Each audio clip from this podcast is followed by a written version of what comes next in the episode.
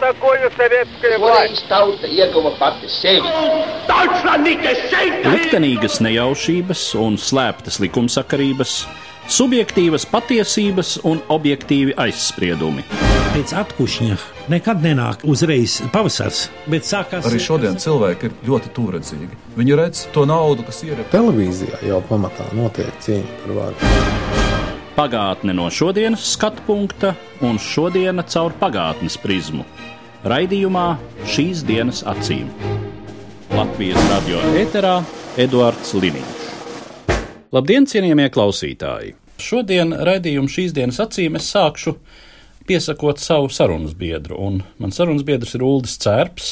Tas nav saistīts ar Ulda amatu vai profesiju šobrīd, bet pavisam citiem apstākļiem ar vienu laika posmu, kas mums ir kopīgs pagātnē, un ar vienu cilvēku, kura klātbūtne mūsu abu biogrāfijās arī nosaka to, ka mēs šobrīd ar Uldi runājamies. Un proti, runa ir par dzinieku Māri Melgalvu. Kad pilna sirds, vai steigties iztukšot, lai krājas vēl un plīst un apkārt gaismu dod, lai saņem gaismu šo tie, kas ir tuvumā, tie, kuri jūt, ka jānotiek bija tā, lai viņi nesaka, lūk, bija pilna sirds, jo patiesībā taču izkūrusies pirts, kad mūsu mīļie apķepuši nevar savādāk, bet kāpēc viņi šurp bez bērzu slotām nāk? Tu biji tas, ar kura laipnu līdzdalību es iepazinos ar Māri. Es nezinu, vai tu to atceries. Bet mana pirmā tikšanās ar Māri notika, un to ir viegli konstatēt, jo viņš uzdāvināja tajā reizē man savu otro dzējoļu krājumu, labu vakaru, un ar ierakstu, kur ir rakstīts 13. februārī 1986. gadā. Un eh, kādu nedēļu vai desmit dienas pirms tam tu man piezvanīji un teici, nu, eh, zini, ir tāds dzēnieks Māris Melgals, un viņš pulcina kopā jaunus ļaudis ar literārām ambīcijām vai, vai vēlmēm. Cik tālu mēs ar tevi bijām tikušies nometnē aicinājums?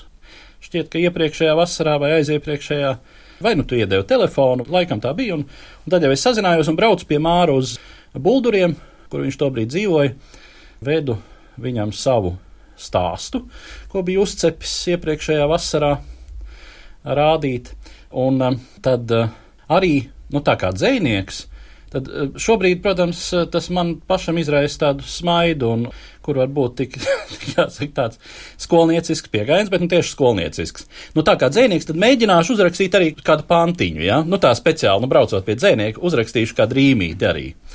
Un uh, uzrakstīju pāris uh, infantīlas rīmītes, Jo nu, kaut kādas rīmītes es pirms tam arī biju kalis tādā skolnieciskā līmenī. Un man jāsaka, Māris bija visai smalkjūtīgs, jo viņš tā uzmet aci un tieši tā arī teica, nu jā, nu šī ir tāda rīmīte. Un tad sāk runāt par to, ka vispār jau būtu pareizi, ka skolā mācītu dzēju rakstīt un, vidusskolā, kas tā kā ekvivalents gimnāzijai, kādreiz taču gimnāzijās mācīt dzējošanu un metriku. Viņš teica, nu kā inteliģents cilvēks, tu, protams, proti rīmēt, proti atskaņot, proti zināmā pantmērā rakstīt, bet, nu, draugs, nu, dzēja. Tas nav īsti tas, uz ko tu būtu spējīgs vai aicināts. Nu, tā bija tā mana pirmā tikšanās reize ar Māri. Arī pirmā ienākšana viņa mājā, kur vēlāk daudzas reizes pēc tam es viesojos, un viņa istaba ar grāmatplauktiem līdz griestiem. Tā nelielajā telpā vēl atlika vieta viņa gultē un rakstām galdam un papīra blāķiem pie sienām fotogrāfijas, un gaisā arī vēl milzums tabaks dūmu parasti. un šiem papīra blāķiem, kas viņam tur jau bija, tiem viņš bija nolēmis pievienot vēl dažu labu blāķi, kur tad viņam nesa kādi pārdesmit jauni ļaudis, kas apmeklēja reizi nedēļā nodarbības toreizējā Rīgas skolnieku un pionieru pilī. Kā tu iepazinies ar Māri? Es biju arī 80. gadu vidū tādā radošajā nometnē aicinājums dēļ tā, ka es biju aizrāvies ar žurnālistiku un rakstīju tajā laikā žurnālam draugs, dažādi veidi rakstus un pat recenzijas par kino un Tā kā tajā laikā man tas ārkārtīgi viss ļoti saistīja, un es atceros savu pirmo reportāžu no zooloģiskā dārza, kur man aizsūtīja, bet tas laikam bija laikrakstam pionieris. Tā kā tas bija ārkārtīgi fascinējoši tajā laikā kad varēja iepazīt, kas ir preses nams un ka tur iet lifti līdz pat nezinu, kuram stāvam 15. Vai... Nu, apmēram tā, jā. Pateicoties šīm recenzijām draugā, tu nonāci. Aicinājumā, jā. Jā, aicinājumā. Un uh, Māris šķiet arī tur bija literārais pasniedzējs faktiski. Jo aicinājums tā arī tāda īpaša lieta, vai ne? Veselu mēnesi jauni ļaudis, un tur kopā bija literāti un teātrinieki. Jā, tieši tā. Un tādā visai radošā vidē, nu, to tā vārdos arī īsti nevar izstāstīt visu šo atmosfēru, bet nu, pedagogiem, kas tur bija, bija nu, diezgan tiešām lielas iespējas un liela loma, ja tur kāds talants bija. Sevi vēl neapzinājies vai daļēji apzinājies, tad tie cilvēki, kas nu, bija uzņēmušies to nesevišķi pateicīgo uzdevumu, reizēm tiešām atrada un atraisīja kādas dotības. Man, taisnība sakot, tā gatavojoties šai sarunai un domājot, kas pamudināja pašu Māri ķerties pie tāda, nu tas arī bija toreiz diezgan ķēpīgi, jo no tāda jauna literāta audzinātāja un pulciņa vadītāja kas darbojas pionieru pilsētas sistēmā. Vēlāk mēs gan pārcēlāmies uz Benjamīnu namu, un tas kaut kā pārgāja jauno literātu apvienības paspārnē. Bet iesākumā bija tātad šī pionieru un skolnieku pilsēta tāda arī īpatnēja iestāde, kur nodarbības sākās un beidzās ar zvanu. Un nevarēja tā, teiksim, nākt, kā ienāk prātā. Bija jābūt uz to nodarbības sākumu. Reiz es nokavējos, saskrējos ar pilsētas direktoru, un viņš nestādījās priekšā, kas viņš tāds ir, bet tūlīt ķērās pie lietas un sāk man lasīt morāli, ka, ziniet, vēl vienu reizi. Un, Un mēs tā sacīt, jūs izslēgsim no cūkārpas, ja? audzēkni. Nu, lūk, un pēc tam mēs ar Māri par to tā bišķi pasmaidījām, bet es saprotu, ka bija arī papīra kalni, kas Mārim bija tur jāaizpilda kaut kādi formulāri un atskaits un viss kaut kas, un viņš to uzņēmās. Es pieļauju, ka meklējams pirmām kārtām rezonanci, tādu saskari ar tiem cilvēkiem, kuriem viņš rakstīja. Jo man liekas, Mārim tas, tas bija būtiski, ka viņam vajadzēja dzirdēt, kā tā viņa dzēja aiziet tautā un kā viņa atskan. Jā, es domāju, ka tas varbūt daļēji skaidro arī to pašu viņa personību, jo man liekas, ka viņa tā, nu, kā lai saka, tā viņa dzēja priekš manis ir nosacīta iedalām divās daļās. Tā viena daļa ir tāda, ko mēs jau pazīstam ar viņa nosacīti politiskajiem dzējoļiem, nu, ka ir, nav tik viegli dzīvot blakus jūrai un nepielieties, vai ne, un otra ir kaut kas savukārt viņa tāda dziļa intīma personiska dzējoļa, kas atklāja viņu kā tādu ļoti smalku dzēnieku personību. Un līdz ar to man liekas, ka īstenībā abām šīm te viņa var nosacīt dzējas daļām vai personības daļām, ne, kuras izpaudās dzējā, viņam bija nepieciešams runāties ne tikai ar viņa paudzes cilvēkiem, jo droši vien, kad arī tas cilvēku lokus, ar kuriem viņš varēja komunicēt no saviem vienaudžiem, droši vien, ka nebija nebija milzīgi plašs un varēja just, ka ne visi, kuri pieder pie tās viņa paudzes, ir tie, ar kuriem viņiem pilnīgi visos jautājumos domas sakrīt. Man liekas, ka viņam vienkārši gribējās nu, faktiski arī viedokļu un skatījumu dažādību, svaigumu un varbūt arī tādu nu, neapbružātību, jo, jo tajā laikā, teiksim, nu, neviens no mums nebija politiski korekts. Ja? Un varbūt tās ir īpašības, kas, teiksim, nu, kaut kādā veidā dažos no viņu, viņu vienaudžiem bija, bet nu, tas ir tikai tāds viens minējums. Nu jā, par to politisko korektumu es tā teiktu, ka droši vien tie viņa vienaudži, kas to iespējams dzirdēs, mums piesolīs pa kaklu par, par šādu apgalvojumu. Protams, ja mēs runājam par visu šo dzēnieku paudzi, viņi tiešām bija ļoti dažādi. Un um, katrs droši vien atrada arī savu auditoriju lielā mērā. Bet nu, Māris gandrīz vai jāsaka, tomēr viņš bija tas, kurš izskanēja varbūt visskaļāk ar kura eh, rakstīto vārdu rezonēja visvairāk jaunu ļaužu to brīdi. Nu, tur, protams, uzreiz ir klāts Kulakovs faktors. Cik lielā mērā tas bija tikai Mārcis, bet tomēr tieši viņu jau arī Kulakovs izvēlējās kā savu tekstu avotu.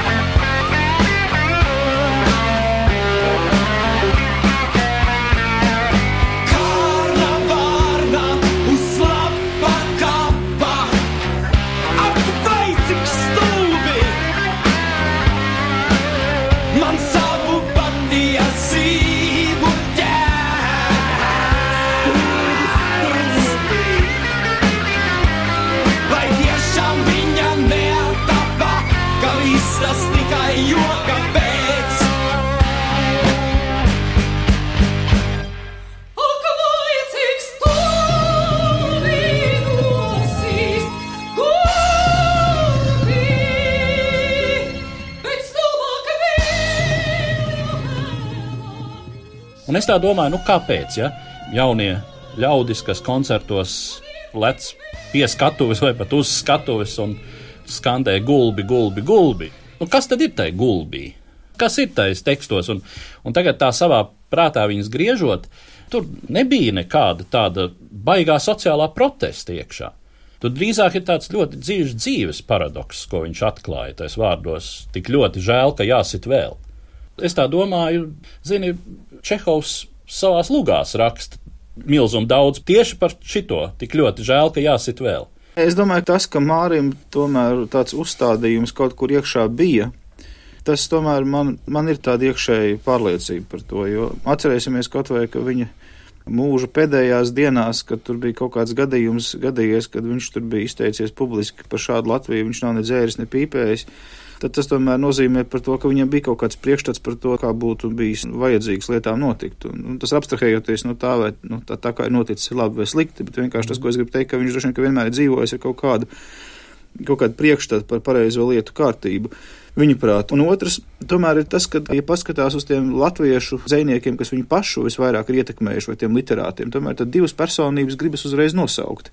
Proti, Veidenbaums un Blaumans. Abas tomēr ir bijušas ar tādu, kā lai saka, ļoti spēcīgu tādu sociālu sāpi, kā vien tā otra personība. Es gan tūlīt gribu teikt arī ļoti spēcīgu cilvēcisku sāpi. Jāsaka, ka tas arī droši vien, ka viens ir, ka cilvēki meklē kaut kādas dzīves rūpes, un otrs ir tāds, ka viņas tādas objektīvi arī notiek. Un, protams, ka tas grūti saprast, kā tas savstarpēji saistās, bet, nu, ka dzīve tiešām jāsaka, ka Māra nebija taupījusi sevišķi pēdējos desmit gadus. Vēl viena lieta, ko par Māru jāpasaka, tā īpašība, ka viņš nebija galīgi konjunktūrists nevienā no laikiem, un tas droši vien, ka bija tas, kas vissāpīgāk izpaudās viņa paša dzīvesveidā. Ja viņš būtu kaut mazliet vairāk uz konjunktūru orientēts un spējīgs strādāt 8 stundas dienā, regulāri celties, teiksim, 9.30, veikt rītarosmi, lasīt, teiksim, žurnāla karoks recenzijas un tā tālāk, tad varbūt, manuprāt, lietas būtu bijušas citādākas, bet viņš vienkārši nu, to nespēja. Tas bija pret viņu dabai, teiksim, tādā veidā, nu, iegrožot savu ikdienu vai dzīvi, bet tas ir vienkārši tāds mans viedoklis, kaut arī viņš to bija mēģinājis, bet, protams, ka ir arī jāņem vērā tas, ka paralēli tur notika visas personiskās dzīves problēmas, kas tur gadījās, un to ir no tā ir ārkārtīgi grūti veidot harmonisku personību un, un tādu.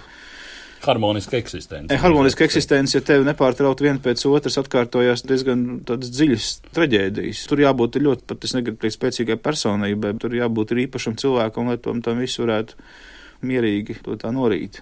Jā, runājot par Mārs, starp citu, uzreiz tiešām gribas teikt, ka nepareizi būtu par viņu veidot priekšstatu, un tas arī manis pieminētajā, šajā mūsu aplūkojamajā laika posmā, ja, diezgan, es teiktu, konkrēti izpaudās. Nevajadzētu veidot priekšstatu, ka nu, viņš ir bijis pilnīgi dzīvē nepiemērots, kaut kāds outsiders, jā, ne konjunktūrists, bet, kā jau teicu, viņš pildīja visus viņam uzliktos pulciņa vadītāja pienākumus, lai cik tie stulbi nebūtu.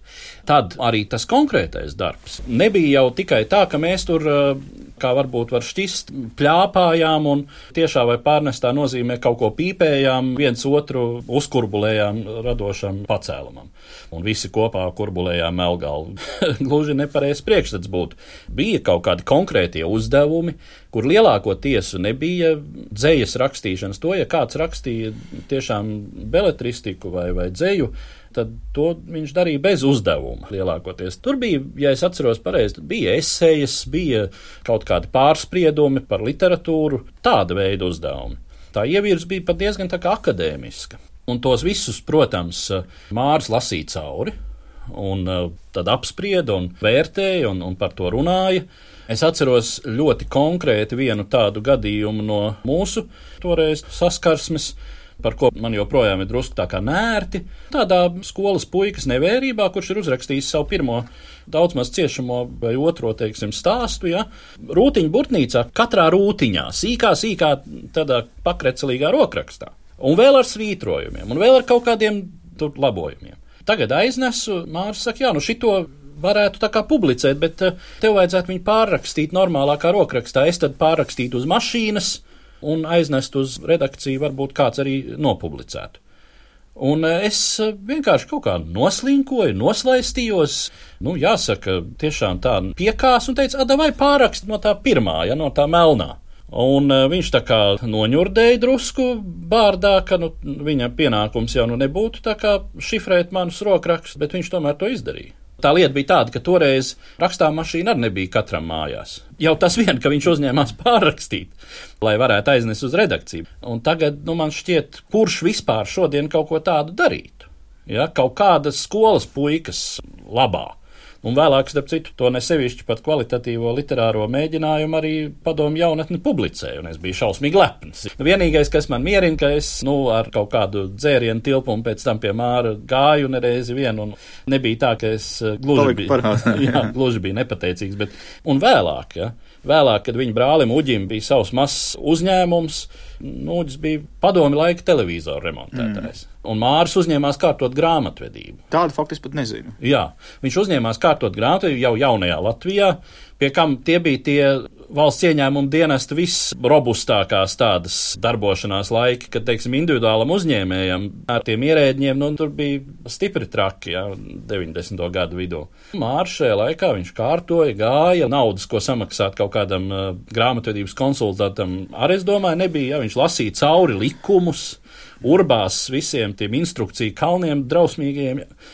Tā kā viņš nebija kaut kāda ēteriska, gaisā parauta būtne, ja, kurš nodarbojās tikai ar dzēju, bet, protams, tas, ka dzēja vairs nebūs viņa dzīves centrs, tas, ka dzēja nebūs tas atbalsta punkts uh, viņa dzīvē, to gan, es domāju, viņš īsti nevarēja iedomāties. Un tas ir tas, ko viņš tam jaunajam laikam, kurā viņš tik ļoti neiederējās, to nu viņš nevarēja piedot tas, ko viņš uzskata par savu lielāko vērtību, proti, savu dzēju, ka tas vairs netiek novērtēts. Es domāju, tas ir pilnīgi pareizi, ko tu saki, ka Māris bija viens no tiem retiem cilvēkiem, kuri spēja ļoti konkrēti nodefinēt, kas ir tas, ko viņi dzīvē grib darīt. Ka viņš ir profesionāls literāts, proti, dzēnieks, un tā ir viņa profesija. Un tas uzstādījums par to, ka viņš arī uzskatīja, ka būtu pareizi, ja profesionāli literāti varētu vismaz izdzīvot ar savu darbību tas uzstādījums bija tas, ko viņš uzskatīja par savējo, un bez šaubām, ka to, ka dzīve attīstījās pretēji, viņš pieņemt nevarēja kategoriski. Tā varbūt ir daļa no tā visa stāsta, paralēli tam, protams, ka nu, tā ikdiena, kāda viņa bija, tāda viņa arī bija bet šie pēdējie gadi man varbūt ir mazāk zināmi. Nu jā, nu pēdējos gados arī es atzīšos piederēju pie tiem, kuri nemeklēja ar viņu īpaši tikšanos. Nu, lielākoties tas bija tā, ka jā, nu vajadzētu jau pie Māra arī kādreiz aizbraukt un vai vismaz piezvanīt, bet Bet nu, lielākais, ko atļāvās, bija nemest nost klausuli, kad viņš zvanīja. Paciest viņa pailgos runas plūdus, kur jaucās pa vidu dzējoļi ar kaut kādiem dīvainiem apgalvojumiem par realitāti vai realitātē iesapņotām lietām, un tur vairs īsti nevarēja saprast, kurā brīdī tas ir kaut kas tiešām noticis un kurā tas ir jau no fantāzijas. Laikam tā pat pēdējā reize, kad es ar viņu tikos, nu katrā ziņā pēdējā reize, kad es viņu redzēju tādu daudz maz ar dzīvi, ar sevi mierā, tā arī bija ļoti zīmīga. Un, manuprāt, tā varēja būt viņa 45. dzimšanas diena, es tā spriežu. Tā katrā ziņā bija viņa jubileja. Mēs saradāmies tāda kompānija paviljonā Bāka. Tāda ieskrietuvīte, bulduros uz viena ielas stūra. Pirms dzelzceļa sliedēm. Uz tās pašas ielas, kura noveda pie Buldura dzelzceļa pārbrauktuves. Tā varētu būt. Nu, burtiski tāds pavisam mazs ūķītis, kurā ir četri galdiņi laikam, jā, un, un lete, un uh, pat nav labierīcība. Un Māris tur bija sarīkojis tātad šo savu dzimšanas dienu, un piedalījās gan viņa draugi no veciem laikiem, gan uh, arī viņa tā brīža draugi, kas, nu, droši vien mēs viņus tā ikdienišķā saskarsmē arī dēvētu par bombžiem vai par pusbombžiem. Nu, nu, tie bija viņa pudeles brāļi, ar kuriem viņš tobrīd vadīja lielākoties savus dienas kopā. Klāt bija Ieva Kuratere, klāt bija arī viņas mamma, profesora Līvija Kuratere, kuras ar Māri savulaik bija savedis kopā Kulakovs un Pērkons, kuri rakstīja savus pirmos albumus Līvijas mājas pagrabā Mešparkā, kā zināms, bija tāda viņiem improvizēta ierakstu studija, kad nekur citur viņas, protams, nerakstīja. Tādā sakarā, un kopš tiem laikiem arī šī draudzība bija nozīmīga, un viņas abas bija klāt. Abām pie krūtīm bija trīs zvaigžņu ordeņi nozīmītas. Tas, protams, tiem māra draugiem īpaši nekādu respektu neraisīja, un, un viņi tā sākumā mazliet tā dīvaini skatījās uz tiem sabraukušajiem, ja, nu, kas tad tie citi, ja. Un tad jau ņēma ģitāru un sāk dziedāt. Пока земля еще вертится, пока еще ярок свет, Господи, даже ты каждому, чего у него нет, мудрому дай голову, трусливому дай коня, дай счастливому денег и не забудь про меня. Пока земля еще вертится, Господи, Твоя власть, дай рвущемуся к власти навластвоваться в сласть, дай перишку щедрому, хоть до исхода дня. Каяну дай раскаяние не забудь про меня. Я знаю, ты все умеешь, я верую в мудрость твою, как верит солдат убитый, что он проживает в раю, как верует каждое ухо сладким речам твоим,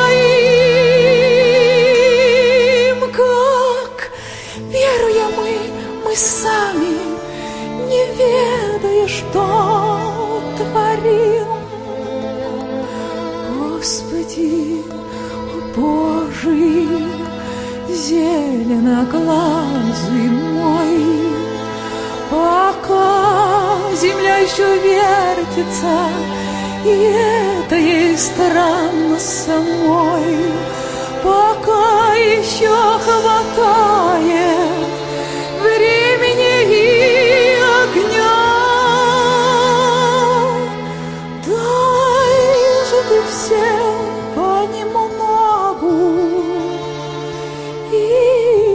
забудь про меня. Дай же ты всем понемногу и не забудь про меня.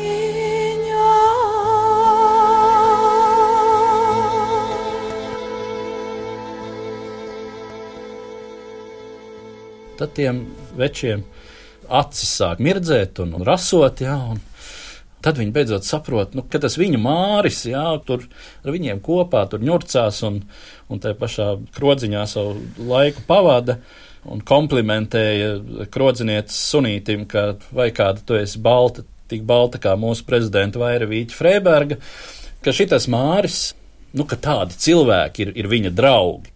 un man likās, ka pēdējā reize, kad es māri redzēju tādu priecīgu par to, kas notiek, un, un tad jau uz brīdi likās, nu, galu galā, nu, vai tad arī tik slikti, ja, protams, viņš varētu krutku nedzert. Nu, Propolis spirtā varbūt arī ne. Nu, jā, nu, tās lietas, kas cilvēki indē un varbūt var, var neēst tabletes saujām, bet nu, galu galā nav jau nemaz tik briesmīgi, ja viņš arī pavadītu savu mūžu atlikumu nu, te paviljonā bāka. Un, Varbūt, ka viss vēl varētu būt labi. Nu, tās, protams, tādas pilnīgi naivas iedomas, jo tas dzīves un likteņa rats griezās tālāk, un, un diemžēl, no šīs tādas salīdzinoši vēl labklājīgās eksistences māris izkrita. Jo, nu, teiksim, dzīvoklīts, kurā viņš mitinājās pēc standartiem, bija krietni par greznu vienam dzēniekam un vienam padomu laiku televizoru meistaram, ja, kas viņa ar brāli tur bija palikuši. Nācās pārcelties kaut kur citur, meklēt citu dzīves vietu. Pēdējā vides maiņa arī laikam bija tas, kas pātrināja māra aiziešanu. Faktiski visi šie pēdējie desmit gadi var teikt, ka tā mana pieredze attiecībā ar Māri ir tāda, ka, teiksim, tā kā tāda lēna Larsa von Trīra filma, ka tu sagaidi, ka kļūs, nu, kā minimums vismaz tikpat slikti kā tagad, bet kļūst vēl sliktāk, un tad tas tā, nu, iet un iet un progresē, un tā, tā kā tiešām, nu, šāda veida žanrs tikai, nu, reālajā dzīvē šoreiz, un tas ir tas, kāpēc varbūt es tagad kādu laiku neesmu lasījis dzēju vispār, jau var teikt gadus četrus, vienkārši, nu, negribās. Prasītos likt tagad tādu kaut kādu rezumējošu punktu šai sarunai. Es domāju, ka, nu, protams, paliks jau, teiksim, tie nedegošie rokraksti, ne? Paliks tas, ko Mārs ir rakstījis, paliks uh, Kulakova komponētie Māra teksti, un arī, protams, atmiņas. Ja? Tas jau viss ir milzum daudz, bet uh, gribētos jau teikt, ka nu nebūtu slikti, mm, ja, ja mēs tā domājot arī par cilvēku individuālo likteni, varbūt tas daudzkārt izskanējušais vēlējums, nu varbūt parūpēsimies par tiem, kurus mēs augstu vērtējam, eh, pirms viņi ir jūrmāls kapos. Ja. Tu to ļoti labi noformulēji. Vienīgais jāsaka, ka nu, es domāju, ka daudz cilvēku dziedot pērkona dziesmas, varbūt nezinu, kas ir viņu autors. Un šajā gadījumā jāsaka, ka Māris ir, nu, var teikt, ielicis tādu diezgan būtisku latviskās, manuprāt, identitātes kodu. Modernās latviskās identitātes kodu. Man liekas, ka mēs to varbūt pilnībā neapzināmies līdz galam, bet tā tas tiešām ir, jo es nedomāju, ka būtu iespējams iedomāties mūsu šodienas identitāti bez melgalvi dzējas. Nu, principā, manuprāt, tas nav, nebūtu iespējams. Un es domāju, ka tas ir tas, ar ko viņš arī paliks visiem atmiņā, ar darbiem, kuri varbūt atšķirībā no viņa paša dzīves ir, ir ļoti optimistiski un ir ļoti uh, ekspresīvi. Es šajā gadījumā pat uh, nekautrētos lietot to absolūti nobružāto apzīmējumu gaiši. Jā. Un pie tā, es domāju, mēs arī varētu palikt, kas ir baltā krāsa, kuru pats Māris tik dāsni lietoja savos dzējas tēlos. Arī viņa tā vieta latviešu literatūras gaitā šķiet balts dzīpars, un tā es to vienmēr uztveru un domāju, ka arī daudziem citiem tas būs tieši tā. Es pateicos par šo sarunu tev, Uldi. Jā, paldies, Edvard. Atgādināšu, ka mans sarunbiedrs šodien bija Uldis Cērps. Savulaik, tāpat kā es, Māra Melgalva, literārā pulciņa audzēknis. Tik ļoti negribēja liktenis, lai domas savienotos, tālāk kopā vītos, kaut vakarā es esmu nabaks palicis par to, cik jaunu mūžu uzaust agros rītos, cik sirža mulsi pretī paveras, un tas nekas, ja vairs no viņām nepasmēļu, renu pat redzējušām būt nav maz lai pati saule apspīd tos, kas rāda ceļu, kad cerībām slīd priekšā mākoņēna un izbiedētās domas skraida kā pa klāju, vēl atspīd saules mazais spogulītis, mēnesis, un palīdz sargāt ceļa rādītāju.